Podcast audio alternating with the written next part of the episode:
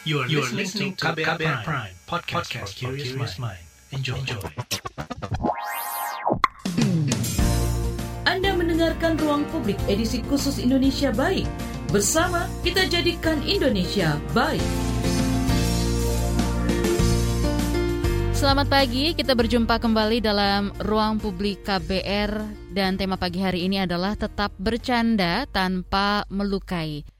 Saudara, eh, dalam pertemanan atau persaudaraan kita sering sekali melontarkan candaan. Candaan bisa membuat kita jadi lebih akrab dan juga tentunya bisa membangun suasana yang santai. Tapi siapa sangka candaan itu justru bisa melukai hati lawan bercanda kita, walaupun yang terluka hanya memendam di hatinya saja. Nah, Bercanda ini memang rawan ya menjadi seksis, kemudian juga menyinggung agama atau suku, menyinggung kondisi tubuh atau body shaming, dan lain sebagainya. Dan bagaimana seharusnya kita bisa tetap bercanda tanpa melukai orang lain baik di dunia maya maupun di dunia nyata. Bisakah kita menyetop candaan yang melukai? Untuk membahasnya di hari ini kami akan berbincang dengan aktivis gender Lini Zurlia dan juga inisiator cadar garis lucu Syarifah Ainun Jamilah. Selamat pagi Mbak Ainun dan juga Mbak Lini. Pagi. Selamat pagi ke Mbak Inun dulu ya pagi hari ini. Mbak Inun uh, dari cadar garis lucu nih Mbak. Ini kan wadah berbagi informasi dengan bahan candaan atau sesuatu yang fun gitu. Mungkin bisa nggak diceritain lebih dulu gimana cadar garis lucu ini dibentuk? Iya, jadi eh, dari inisiasi yang disampaikan oleh kawan Gus Durian kami, eh, mengingat bahwa saya dengan teman-teman itu sayang sekali katanya kalau tidak ada wadah untuk bersama, uh, akhirnya uh, dengan kesepakatan kami membentuk cadar garis lucu.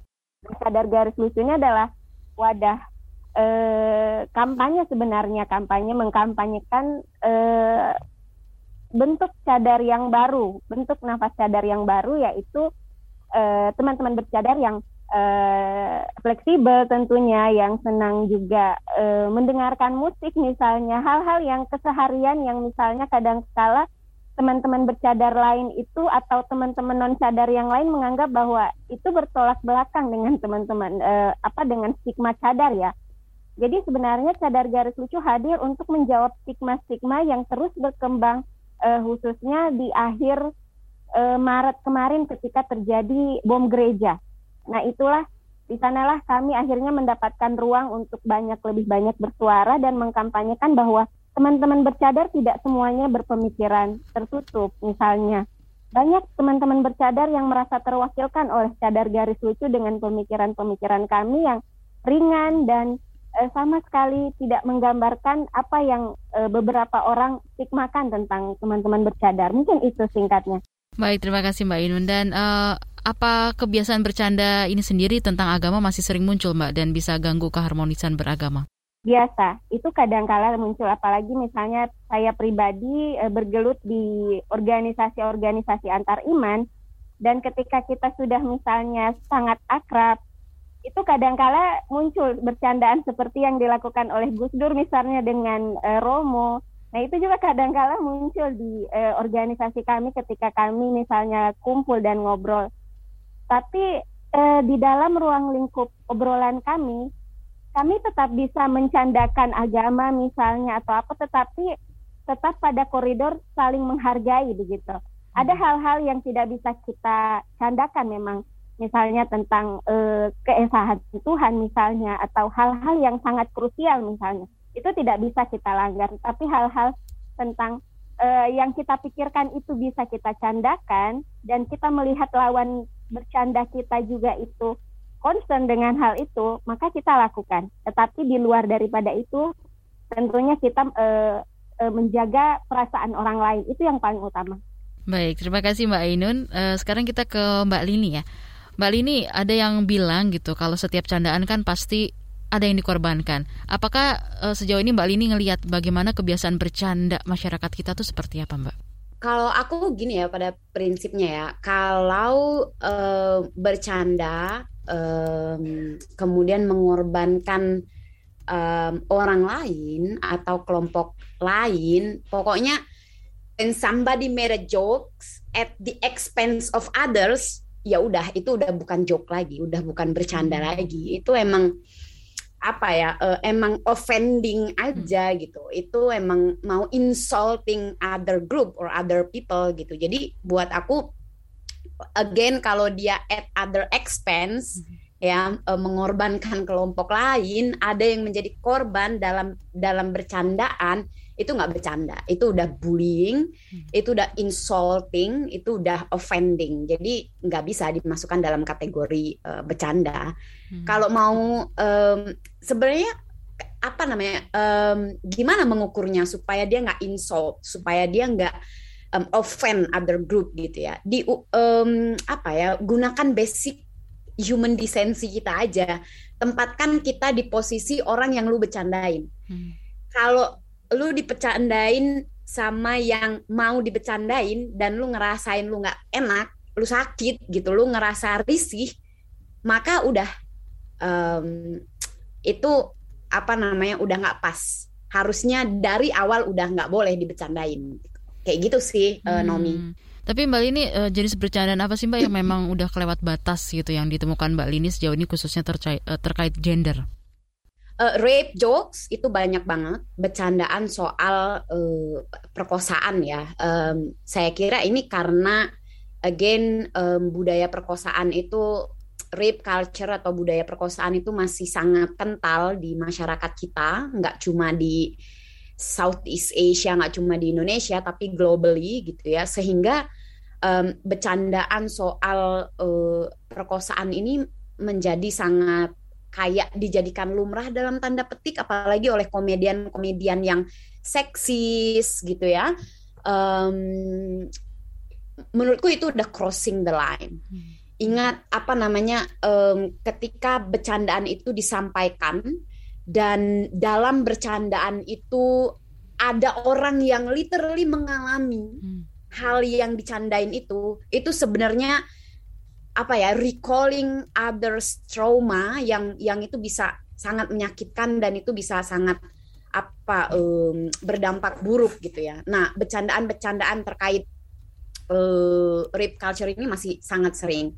Yang lain misalkan bercandaan yang uh, uh, apa namanya menggunakan um, ekspresi gender seseorang atau identitas gender uh, seseorang laki-laki um, yang feminin selalu diolok-olok misalkan. Atau um, apa namanya eh, teman-teman transgender um, khususnya transgender perempuan misalkan karena mereka uh, lahir terlahir uh, assign at birth-nya sebagai uh, male sebagai laki-laki kemudian mereka dicandain dengan um, apa namanya uh, ya apa sih gaya-gaya uh, yang yang feminin feminin gitu hmm. kemudian itu dijad dijadikan bahan candaan dan hmm. uh, olokan menurut aku yang kayak kayak begitu tuh yang jahat dan melampaui batas sih gitu tapi uh, ketika bercandaan itu disampaikan oleh komedian atau dikomersialisasi gitu mbak apa yang bisa hmm. dilakukan hmm. supaya kita tuh bisa mengcounter jenis bercandaan seperti itu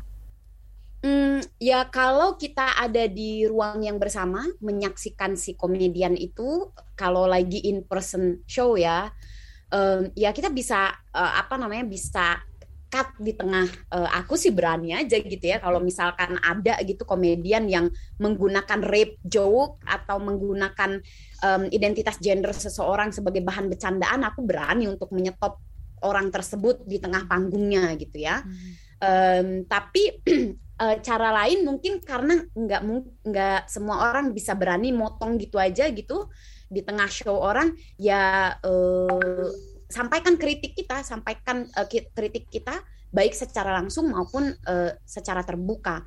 Kalau bandel juga ya di call out aja gitu. Komedian-komedian uh, yang kayak gini nih yang yang apa namanya uh, apa making jokes at other expense ini yang harus uh, terus diingatkan dan uh, harus ditegur gitu. Baik Mbak Lini, kalau dari Mbak Ainun nih Mbak, dari Mbak Ainun sendiri uh, bisa biasa menemukan bercandaan apa sih Mbak yang paling parah gitu soal agama dan gimana cadar garis lucu ini sendiri mengcounter bercandaan jenis ini? Iya baik, terima kasih. Uh, yang sebenarnya kalau soal yang paling parah atau tidak parah itu kan tergantung siapa yang merasakan itu ya Mbak yang menurutku.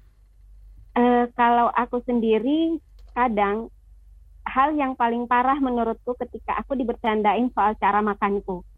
Nah, aku kan berpenampilan seperti ini di publik, di tempat-tempat yang aku merasa aman dengan berpakaian seperti ini. Nah, kadangkala ada orang-orang yang baik itu aku sangat kenal maupun tidak, hmm.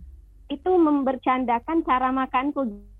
Kalau soal agama, ya eh, lebih kepada cara berpakaian dan itu selalu uh, di counter dengan teman-teman sadar garis lucu. Mm-hmm. Jadi kadangkala kita malah uh, menyampaikan bahwa ya inilah cara kita berekspresi di ruang publik gitu. Mm-hmm. Tentang apakah kita kesulitan dalam menyantap makanan itu kan urusan pribadi kita ya. Yeah. Kita yang mengalami dan bukan teman-teman gitu. Terus kenapa kalian yang heboh misalnya? Mm-hmm. Dan yang paling itu sih yang dipertanyakan, Mbak, mm-hmm. gimana sih orang bercadar itu kalau makan gimana sih? Hmm. kalau dia lagi ini lagi itu dan itulah yang eh, pertanyaan-pertanyaan seperti itu yang berusaha kita jawab gitu hmm. gimana sih perempuan bercadar kalau berada di misalnya ruangan ruangan-ruangan uh, atau tempat-tempat yang kurang ramah terhadap cadar misalnya apa sih yang biasa dilakukan nah hmm. itulah yang uh, kita sampaikan di cadar garis lucu bagaimana teman-teman perempuan bercadar itu bisa tetap mengekspresikan dirinya dengan uh, santai dengan terbuka dengan menerima orang lain dulu. Itu yang paling sering, sering saya diskusikan dengan teman-teman. Hmm. Kita ini kadangkala tidak diterima karena kita yang menutup diri gitu. Yeah. Tapi ketika kita membawa diri dengan santai, membawa diri dengan terbuka, orang lain pun akan menerima.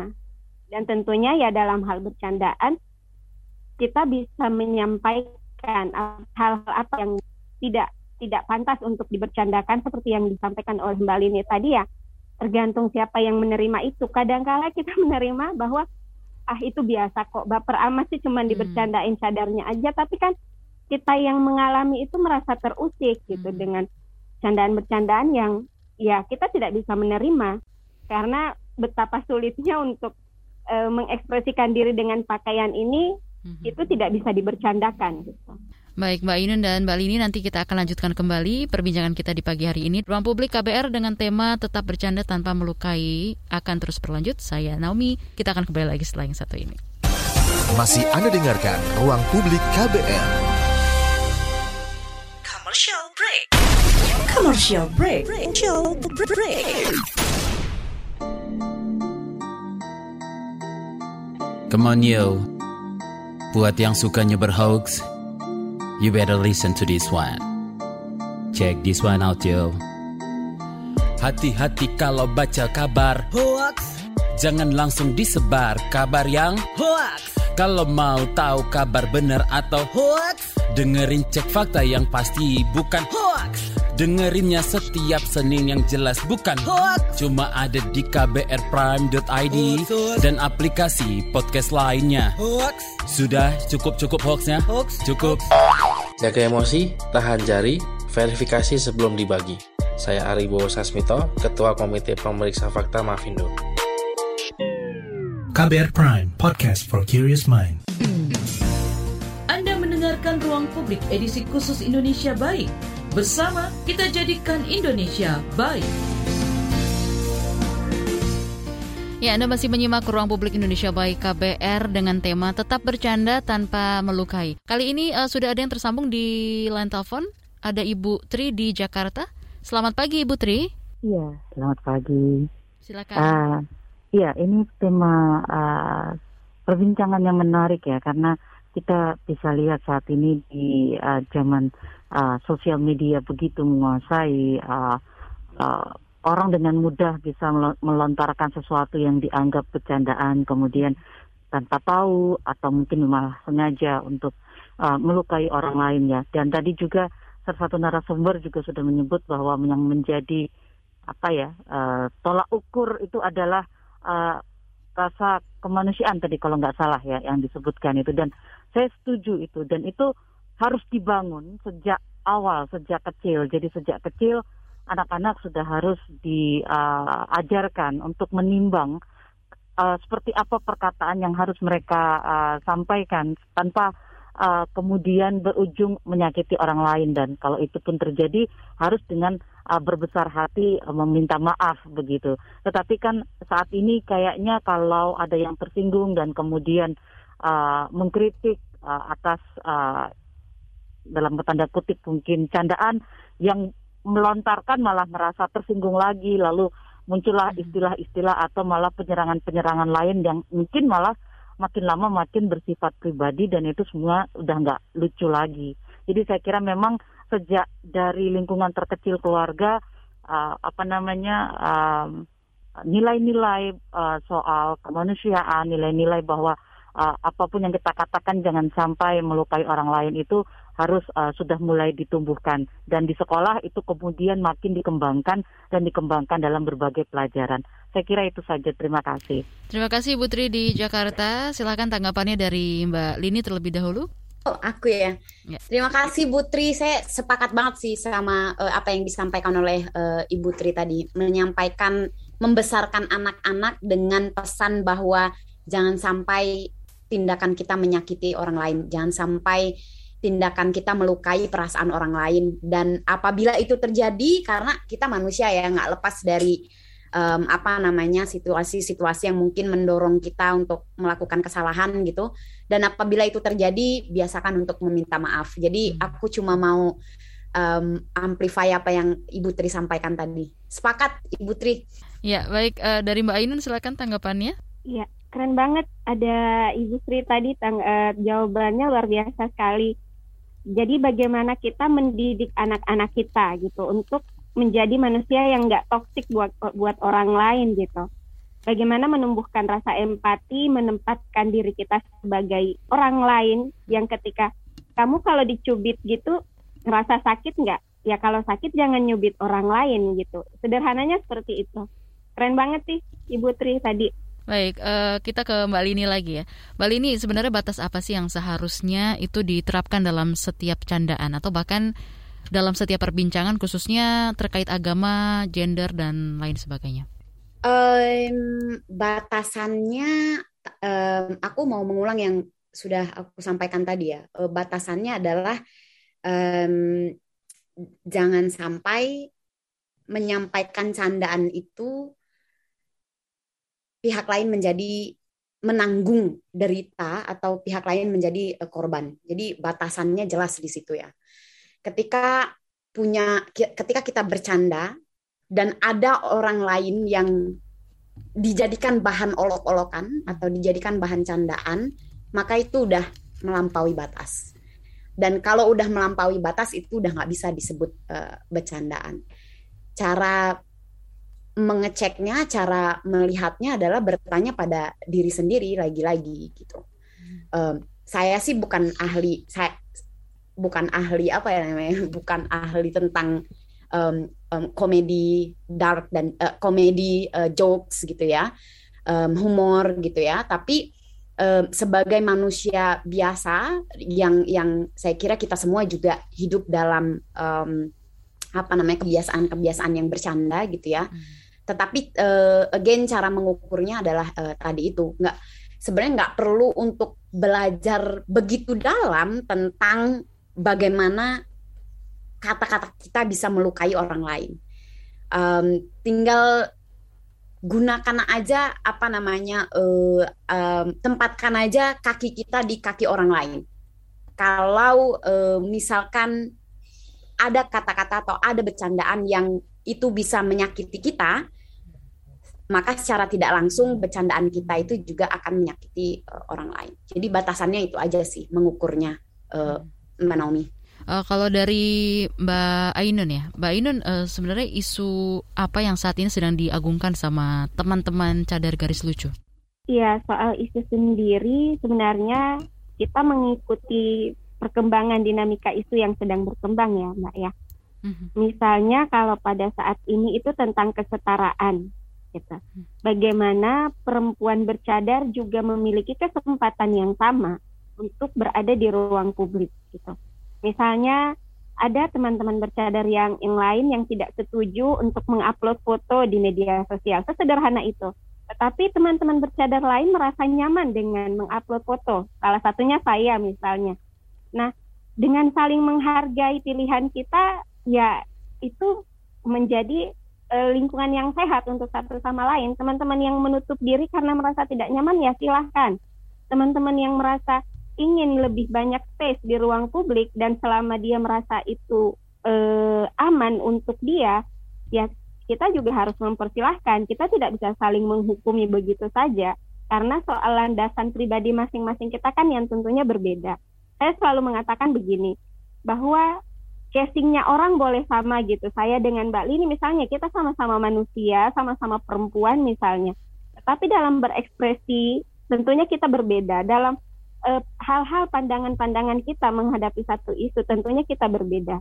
Nah, saya dengan teman bercadar yang lain misalnya, teman-teman bercadar lain menggunakan hitam-hitam misalnya, berwarna gelap misalnya. Saya dengan warna-warni seperti ini misalnya. Kita saling menghargai saja gitu. Selama tidak ada yang saling melukai di sana ya batasannya sudah jelas. Hmm. Tidak ada yang saling mengganggu, tidak ada yang saling dirugikan dalam hal itu ya tidak masalah.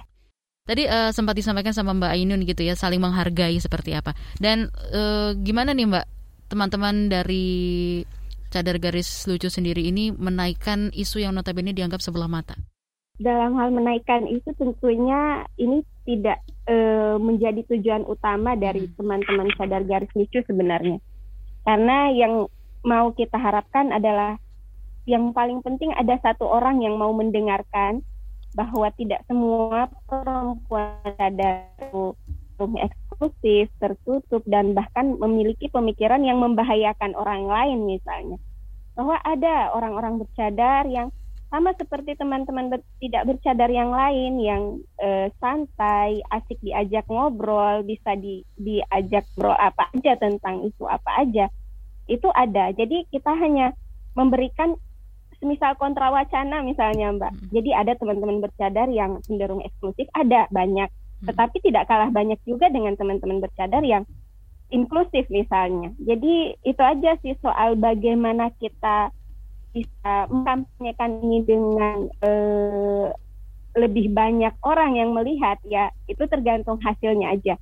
Tapi kita tidak pernah eh, memiliki tujuan seperti itu. Intinya kita bersuara. Hmm dan kita memiliki hak yang sama di, di ruang publik itu saja. Baik, Mbak Ainun dan Mbak Lini, tahan dulu sebentar, nanti kita akan lanjutkan kembali. Siaran akan terus berlanjut usai jeda. Mendengarkan Ruang Publik edisi khusus Indonesia Baik. Bersama kita jadikan Indonesia baik. Masih bersama saya juga uh, ada Mbak Ainun Jamila dari inisiator cadar garis lucu dan juga Mbak Lini Zurlia dari aktivis gender. Akhir-akhir ini kan memang ya sedang ramai mengenai dark jokes gitu atau lelucon-lelucon tabu yang menuai pro kontra di masyarakat. Karena topiknya juga menyangkut hal-hal seperti kematian, kemudian bencana, dan hal-hal yang memang sebenarnya tuh nggak patut dibuat jadi komedi gitu ya. Nah gimana dari Mbak Lini dan Mbak Ainun melihat fenomena ini Mbak? Silakan mungkin dari Mbak Lini dulu bisa? Um, kalau dark jokes sebenarnya kan dalam ilmu um, perhumoran ya, karena ada emang ada ilmunya gitu ya. Uh, dark jokes itu masuk dalam salah satu kategori cabang keilmuannya lah katakanlah gitu ya. Um, dan uh, ada memang ada uh, mem, apa bercanda tentang hal-hal yang um, dan umumnya memang dark joke itu dia uh, berangkat dari pengalaman-pengalaman si penyampai pesan si um, komedian gitu ya uh, atau yang emang nyampain ini yang dia punya pengalaman tentang uh, tentang itu gitu. Uh, ta tapi again ya lagi-lagi kalau bercandaannya itu melampaui batas, hmm. dia bisa uh, apa namanya menyakiti pihak lain, maka nggak uh, bisa juga disebut sebagai dark joke gitu. Hmm um, saya mau uh, apa namanya uh, dalam dark jokes ini biasanya yang umum dijadikan uh, bercandaan itu biasanya soal soal um, um, isu gender, soal isu ras, soal isu um, rasism, um, kemudian um, kolonialisme itu kan masuk ya dalam uh, apa namanya dalam kategori-kategori ini dan itu banyak disampaikan. Dan oleh orang yang memang mumpuni dan punya kapasitas untuk menyampaikan dark jokes itu itu sebenarnya um, aku sih bisa ketawa banget gitu. Hmm. uh, bisa misalkan kayak um, yang paling kekinian lah uh, Trevor Noah gitu dia sering banget gitu menyampaikan jokes-jokes tentang apartheid. Tapi karena dia black people karena dia punya pengalaman um, apa namanya mengalami langsung pengalaman apartheid di um, South Africa mamanya adalah orang Afrika kemudian uh, ayahnya adalah orang kulit putih mereka dulu melam, uh, apa melanggar hukum gitu ya jadi dia bisa menyampaikan bercandaan tentang uh, apartheid gitu. Tapi orang white people nggak bisa dia ngomongin soal ngebecandain soal uh, apartheid karena dia nggak punya pengalaman dan di dan orang-orang kulit putih lah yang punya legasi tentang itu gitu. Hmm. Atau misal bercandaan lain um, soal kehamilan. Uh, aku lupa komedian uh, perempuan dia di atas stage dia menyampaikan bercandaan tentang kehamilan, hmm. gimana susahnya hamil gimana susahnya uh, uh, tapi karena dia sedang hamil dia menyampaikan bercandaan itu atas pengalaman dirinya sendiri gitu ya maka um, orang semua bisa tertawa sekaligus hmm. merasakan kepedihan apa yang uh, dia alami gitu um, tapi uh, harus dilihat dark jokes dia menjadi tidak dark jokes ketika gitu ya lagi-lagi uh, uh, ketika dia tidak uh, pesannya tidak di apa namanya tidak mewakili orang yang tidak menga, uh, tidak mewakili pengalaman-pengalaman sekelompok orang yang dia uh, sampaikan bukan mewakili malah dia menyakiti. Hmm. Jadi kalau udah pesannya atau bercandaannya, jokesnya itu udah menyakiti, hmm. Uh, mau dia dark, mau dia nggak dark, hmm. itu udah melampaui batas. Gitu sih Mbak Naomi. Baik Mbak Lini, kalau dari Mbak Ainun seperti apa nih Mbak menurut Anda? Iya, Uh, jadi sepakat sih tadi sama Mbak Lini bahwa yang bisa menyampaikan dark jokes itu sebenarnya yang mengalami itu sendiri gitu. Karena siapa yang paling mengetahui rasanya pengalamannya menjadi uh, objek yang dibercandakan dirinya sendiri gitu dan kita sebagai yang melihat itu ya memang bisa ketawa bisa menertawakan karena orangnya duluan yang merasa bahwa ini nggak masalah untuk aku bercandain karena hmm. yang korbannya kan aku gitu bukan orang lain gitu kalau di CGL sendiri saya mengingat salah satu joke yang pernah kami uh, sampaikan itu waktu Ramadan kemarin tentang uh, nanyain soal sampai di mana bacaan Quran kamu gitu. Kadang-kala kan orang di di Ramadan itu berlomba-lomba nih untuk nanyain orang sampai di mana bacaannya, sampai di mana hafalannya. Tapi gimana dengan orang-orang yang bahkan belum belum bisa membaca satu ayat gitu loh. Kita terlalu terlalu apa ya? dalam hal ini aku pikir dalam di satu sisi kita mau menasehat itu ke orang yang belum bisa mengaji itu gimana perasaannya gitu hmm. itu sendiri jadi uh, sempat teman-teman sadar garis itu mention soal itu dan banyak yang uh, mengaminkan bahwa iya bagaimana dengan teman saya yang baru membaca alif batasa saja itu nggak bisa terus ditanyain udah sampai juz berapa itu kan hmm. kasihan gitu Baik. jadi hal-hal yang seperti itu sih yang ini kadang-kala kita nggak hmm. nggak nyadar bahwa apakah ini joke atau apakah ini nasihat dan bahkan merugikan orang lain. Jadi kalaupun mau bercandaan itu boleh asalkan relate dengan yang kita rasakan gitu ya Mbak ya maksudnya ya. Iya. Baik, kita uh, ke YouTube Berita KBR di pagi hari ini sudah banyak sekali yang ikut berpartisipasi. Yang pertama ada Francisca Ratna. Setuju dengan Mbak Lini dan Mbak Nun dan saya ingin menjawab pertanyaan. Utamanya dalam bercanda adalah dengan mengenal batas bercandaan utamanya jangan sampai sara, seksis dan body shaming. Terima kasih. Terus juga ada uh, masih Francis Karatna dan jika kita menemukan seperti itu langsung saja diingatkan. Kalau tidak mengingatkan maka persoalan seperti ini akan muncul terus. Terima kasih untuk Francisca. Kemudian ada Charles Herlambang. Soal bercanda kadang muncul secara tiba-tiba spontan. Jadi kita tidak membatasi soal bercandaan, kita harus membatasi soal perkataan dalam keseharian. Yang paling penting jangan pernah seksis dan jangan meremehkan orang lain. Terima kasih. Kemudian juga ada Agus. Masih aneh kalau menemukan orang yang bercanda tapi seksis menertawakan agama lain. Apa sih motivasinya? Apa sih pengennya? Aneh. Baik, uh, bisa ditanggapi secara umum ke Mbak Lini. Silakan Mbak Lini. Kalau ditanya apa motivasinya, iya sih. Aku juga nggak nangkap gitu motivasinya apa ya. Insult other people tuh motivasinya apa ya? Mhm. kepuasan batin gitu orang lain menjadi uh, apa merendahkan orang lain masa jadi puas gitu kalau aku sih sebagai sebagai manusia ada orang lain yang menjadi kecewa menjadi tersakiti menjadi luka karena kita itu jadi sedih ya kan jadi kayak aduh uh, bertanya lagi kepada diri sendiri gitu. Tapi kalau sampai ada orang yang dia bisa ketawa atas penderitaan orang lain hmm. itu kayak uh, gimana ya um, dia melatih kemanusiaannya tuh kayak gimana besar dengan kemanusiaannya tuh kayak uh, gimana gitu hmm. Saya kira untuk bisa menjadi um, spontan bercanda spontan tapi tidak melukai saya kira itu harus dilatih ya.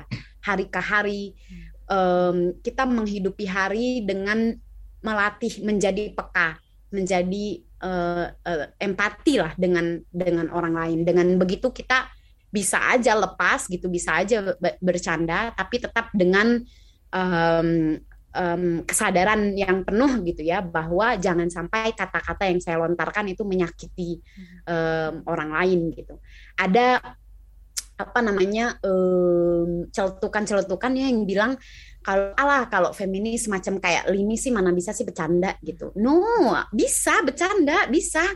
Tapi kita bercandanya kita tuh dengan penuh kesadaran jangan sampai mhm. bercandaan kita melaku melukai orang lain, melukai perasaan orang lain. Itu sebenarnya yang yang uh, apa namanya? harus menjadi kesadaran yang kita tanamkan dan kita pelajari, kita hidupi dalam kehidupan sehari-hari. Baik, uh, sebelumnya ini ada lanjut lagi yang uh, berkomentar di YouTube Berita KBR dari Bimo. Ironisnya terkadang banyak justru orang-orang yang mempunyai pandangan yang agak berbeda atau modern atau non-konvensional yang sering kali merasa harus berada di garis ofensif untuk menyuarakan tanda kutip ya suara mereka. Nah, mungkin bisa uh, dan seolah tidak mau menerima jalan tengah. Kemudian ada lagi dari Dayang Zamelda, bercanda menurut saya itu penting karena hidup tanpa bercanda hampa. Saya seorang penyandang disabilitas sering kali dilukai bahkan dicandai sampai berlebihan. Dan saya balik candain aja, jadi tidak melukai. Seperti itu. Mungkin bisa ditanggapi lanjutannya dari Mbak Ainun, silakan. Iya, baik. E, sebagai penyandang disabilitas tentunya, e, kalau saya pribadi karena bukan e, seperti apa yang dialami oleh teman-teman, saya nggak berani gitu, nggak berani sama sekali karena apa ya um, yang paling miskin sebenarnya adalah manusia yang tanpa empati. Bukan bukan berkekurangan harta itu menurut saya. Manusia yang miskin empati itu adalah manusia yang paling miskin gitu. Yang tidak bisa menempatkan dirinya di posisi siapa yang lawan bicaranya gitu. Apalagi dalam hal bercanda ya. Saya orang yang bisa dibilang tipe yang sangat berpikir gitu untuk lebih baik nggak bercanda gitu lebih baik saya diam nggak usah bercanda apa-apa daripada saya melontarkan satu kata dan kemudian sangat disadari melukai orang lain. Nah kalau teman tadi yang mengatakan ada orang yang membercandakan sampai berlebihan terus dia balik bercanda, hmm. itu kalau saya pribadi agak sulit ya untuk sampai di situ. Walaupun saya mungkin ketika cadar terus saya kemudian bercanda kan agak berat sebenarnya.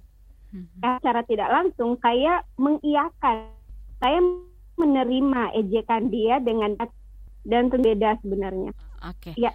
Uh, Mbak Ina dan juga Mbak Lini, nanti kita akan kembali lanjutkan perbincangan kita di pagi hari ini. Siaran akan terus berlanjut, usai jeda tetaplah di Ruang Publik KBR. Masih Anda dengarkan Ruang Publik KBR. Commercial break. Commercial break. Commercial break.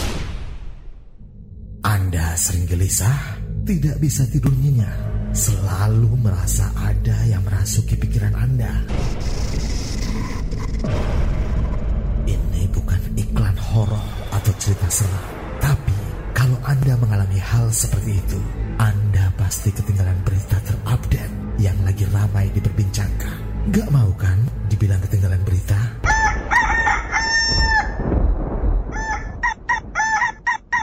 Makanya dengerin KBR Pagi, siaran pagi radio paling update menghadirkan narasumber yang terpercaya dan kredibel. Banyak lagu-lagu dari zaman old sampai zaman now. Setiap hari Senin sampai dengan Jumat mulai pukul 7 sampai 8 waktu Indonesia Barat. Bisa didengerin dari Aceh hingga Papua. Cukup satu jam saja untuk membuat kamu tetap update. Woi, ayam siapa nih? Berisik, saya mau dengerin kabar pagi. mendengarkan Ruang Publik edisi khusus Indonesia Baik. Bersama kita jadikan Indonesia baik. Ya, kita tiba di bagian akhir ruang publik Indonesia Baik KBR hari ini dan bagi Anda yang tidak sempat mendengarkan siaran ini secara utuh Anda bisa mendengarkannya kembali di kbrprime.id dan juga pilih ruang publik. Kita juga akan minta penjelasan juga ya dari narasumber kita di pagi hari ini mengenai bagaimana cara kita bisa bercanda tanpa melukai hati orang lain. Mungkin bisa dimulai dari Mbak Lini, silakan Mbak Lini. Menarik nih pertanyaan yang ini terus uh, disambungkan dengan komentar dua komentar sebelum jeda uh, komersial tadi ya. Um, soal um, kelompok disabilitas gitu ya, menarik yang ini. Uh, nah, aku tuh aku tuh juga uh, ketawa banget pada saat nonton bercandaan Trevor Noah. Dia uh, apa namanya ini lagi melekat-melekatnya banget di di kepalaku. Um, dia me, apa namanya menyampaikan uh, uh, apa uh, komedi tentang uh, interaksi dia dengan uh, uh, deaf people orang tuli Um, jadi apa namanya uh, orang deaf itu meminta Trevor Noah untuk bikin bercandaan lah buat orang um, orang tuli gitu ya. Hmm.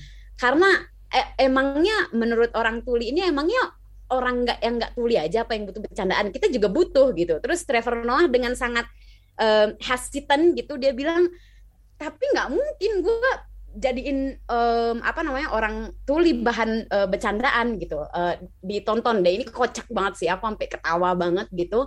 Nah yang aku tangkap dari apa yang disampaikan uh, dia adalah sebenarnya bisa aja membuat bercandaan um, tentang orang uh, disabilitas uh, dalam kasus Trevor Noah itu adalah um, apa dalam orang-orang uh, tuli gitu ya. Um, tapi again bercandaannya itu bukan yang intensinya untuk insulting gitu untuk um, apa namanya kan beda ya bercanda bercanda orang yang emang bercanda hmm. gitu kan dengan emang ada intensi untuk merendahkan itu kan uh, uh, uh, uh, beda banget gitu hmm. jadi kayak um, kalau tadi komentar uh, ibu tadi uh, kakak yang tadi misalkan karena udah um, orang disabel itu orang disabilitas sudah terlalu sering dibecandain sampai enam gitu. Hmm. Ini juga terjadi di um, teman-teman um, kawan-kawanku uh, khususnya kawan-kawan transgender perempuan gitu ya.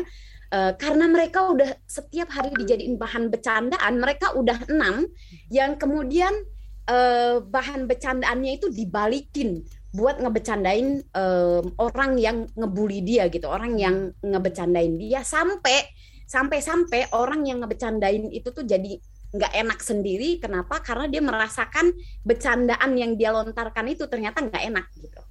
Jadi dibalikin uh, uh, dibalikin lagi gitu. Hmm. nah um, saya kira metode-metode pertahanan diri dari kelompok-kelompok rentan yang biasa dijadikan uh, bahan bercandaan ini itu juga yang bisa membuat uh, jadi um, orang-orang nggak enak gitu ya untuk ngebecandain secara uh, terus-terusan. Tapi ada juga orang yang bebal ya, udah dibilangin, udah dibalikin gitu bercandaannya dia nggak tetap sadar diri gitu. Banyak juga sih yang kayak gitu dan nggak tahu nih orang-orang yang kayak bebal gini ya mungkin emang harus di call out sih. Yes, baik. Uh, kita ke Mbak Ainun ya. Mbak Ainun gimana nih Mbak? Bagaimana cara kita bisa bercanda tanpa melukai hati orang lain? Menurut Anda seperti apa? Ya, Oke, jadi uh, bercanda, tetap bercanda dengan tidak melukai, memang perlu dipelajari sebenarnya. Walaupun ini memang uh, spontan biasanya, tapi kita perlu belajar gitu, belajar terhadap situasi yang terjadi ketika kita bercanda, lebih ke peka sih, peka terhadap lawan bicara kita. Apakah dia juga senang ketika kita membahas itu gitu. Saya punya beberapa circle teman-teman yang kalau bercanda itu suka luar biasa dan ngakak banget, tapi nggak sampai melukai orang gitu. Mm-hmm. Dan kita memang sebenarnya juga ada faktor bawaan sebenarnya ya, kalau saya yeah. tidak salah ya, karena eh, di beberapa orang bercanda bercanda sehat itu memang dia nggak pelajari, tetapi begitu saja itu. Dia peka terhadap situasi-situasi yang tanpa harus eh, nyinggung orang, dia bisa membercandakan itu gitu. Dan ada orang yang seperti itu kepada mengasah kepekaan sebenarnya. Baik, terima kasih Mbak Ainun dan juga Mbak Lini. Terima kasih untuk kedua narasumber kita di pagi hari ini dari Mbak Ainun dan juga Mbak Lini. Silakan mungkin ada yang ingin disampaikan untuk uh, penutup kita di pagi hari ini. Mbak Lini silakan, ada yang mau disampaikan? Um, pesan aku mungkin kalau kita mau tetap bercanda dan bagaimana caranya supaya bercandaan kita nggak melukai orang lain, berangkat dari pengalaman sendiri. Jadi ya, bercandalah ya. dengan pengalaman diri sendiri, jangan gunakan pengalaman kelompok lain atau orang lain karena ketika menggunakan pengalaman kelompok lain atau orang lain, pasti akan ada yang terlukai dan tersakiti. Tapi kalau pengalamanmu sendiri yang kamu jadikan bahan bercandaan, mungkin itu bisa menjadi jalan untuk kamu bisa healing. Terima kasih banyak untuk kedua narasumber yang pagi hari ini sudah bersama kami di ruang publik KBR dengan tema tetap bercanda tanpa melukai. Terima kasih sekali lagi untuk Mbak Lini Zurlia, aktivis gender dan juga Mbak Ainun Jamilah, inisiator Cadar Garis Lucu. Terima kasih juga untuk Anda yang sudah ikut berpartisipasi di WhatsApp, YouTube Berita KBR, dan juga telepon bebas pulsa KBR. Terima kasih untuk Anda untuk sudah menyimak Ruang Publik KBR edisi hari ini. Saya Naomi Liandra undur diri. Salam. Baru saja Anda dengarkan Ruang Publik KBR.